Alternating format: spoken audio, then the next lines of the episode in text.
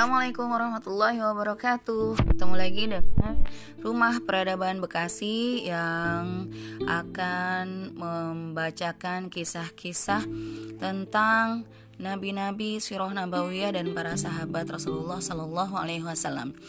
Uh, untuk pertemuan kali ini kita akan melanjutkan kisah dari buku paket Rasulullah Teladan Utama dengan judul Cahaya dari Mekah Perjalanan hidup Rasulullah Shallallahu Alaihi Wasallam dari lahir hingga hijrah. Sudah siap, adik-adik, ayah bunda semuanya? Mari kita dengarkan ya. Sama-sama kita baca Basmalah Bismillahirrahmanirrahim tentang tentara bergajah. Di kisah yang sebelumnya, kita sudah mendengarkan tentang seseorang yang bernama Abraha. Betapa sombongnya dia sampai-sampai dia ingin membuat suatu bangunan untuk menyaingi Ka'bah. Nah, setelah bangunannya tidak diminati, kemudian Abraham marah. Apa yang terjadi setelah itu? Nah, kita simak ya. Pasukan tentara bergajah segera bergerak. Pasukan kabilah Arab yang menghadang berhasil dikalahkan.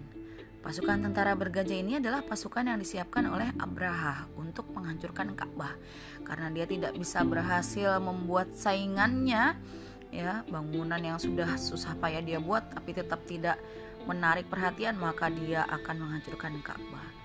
Nah, pasukan yang disiapkan dan sampailah pasukan di Mugomas. Letaknya sekitar 24 km sebelah timur Ka'bah. Berhenti. Kita berkemah di sini. Sebagian pasukan maju terus ke Mekah. Rebut semua harta mereka, seru Abraha. Bergeraklah sebagian pasukan ke Mekah. Pasukan itu dipimpin Al-Aswad bin Maksud. Mereka kembali membawa harta milik orang-orang Tihamah. Di antaranya ada 200 ekor unta milik Abdul Muthalib. Abraha lalu mengutus Hunatah al-Himyari. Tanyakan, Siapakah pemimpin negeri ini? Pesan Abraha. Lalu Hunatah berkata kepada penduduk Mekah, "Sungguh kami tidak datang untuk memerangimu. Kami datang untuk menghancurkan Ka'bah. Jika kalian tidak menghalangi, kita tidak perlu berperang," kata Abraha. Kalau kalian ingin damai, datangkan pemimpin kalian kepadaku. Kemudian Abdul Muthalib dibawa menemui Abraha. Abraha mengira Abdul Muthalib akan memohon untuk menghentikan serangan. Maka Abraha bertanya, "Apa keperluanmu datang kemari?" Tanya Abraha congkak. Abdul Muthalib menjawab dengan tenang, "Kembalikan 200 ekor unta milikku." "Apa?"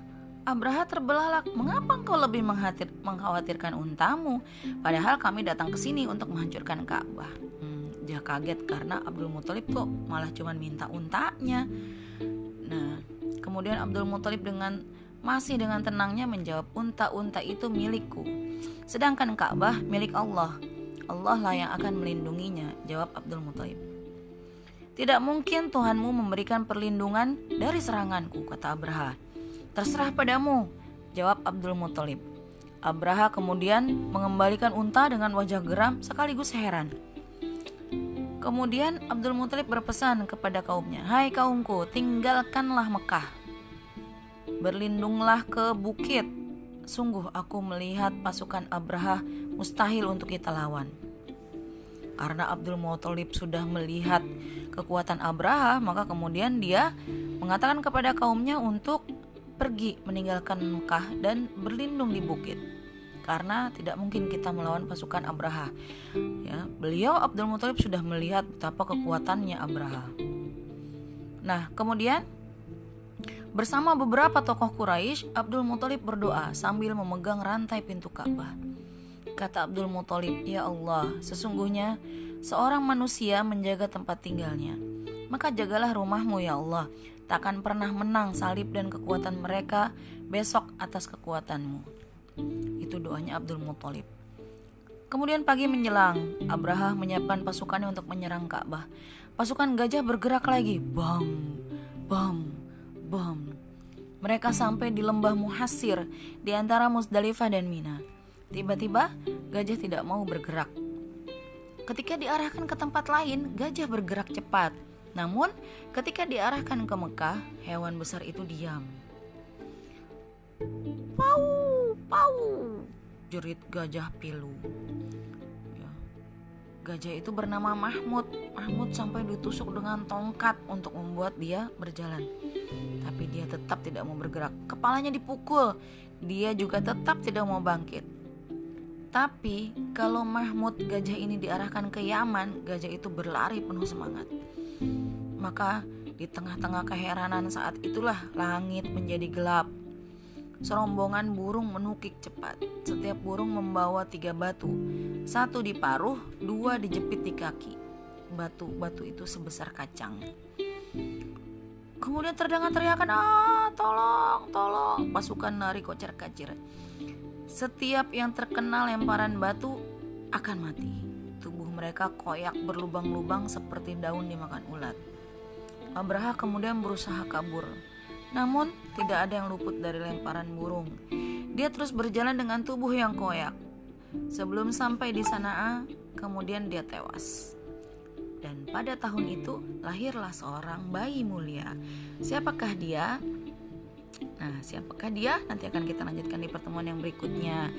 Uh, di akhir kisah ini ada peringatan dari uh, Allah Subhanahu wa taala melalui Al-Qur'an surat Al-Fil, surat urutan 105 ya, yang mengatakan bahwa tidakkah engkau Muhammad perhatikan bagaimana Tuhanmu telah bertindak terhadap pasukan bergajah Bukankah dia telah menjadikan tipu daya mereka itu sia-sia dan dia mengirimkan kepada mereka burung yang berbondong-bondong. Quran surat Al-Fil.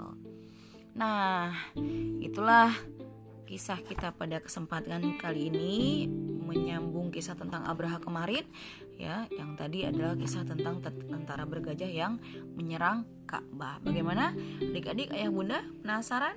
Kita bersambung di kesempatan berikutnya ya. Terima kasih sudah menyimak. Alhamdulillah. Assalamualaikum warahmatullahi wabarakatuh.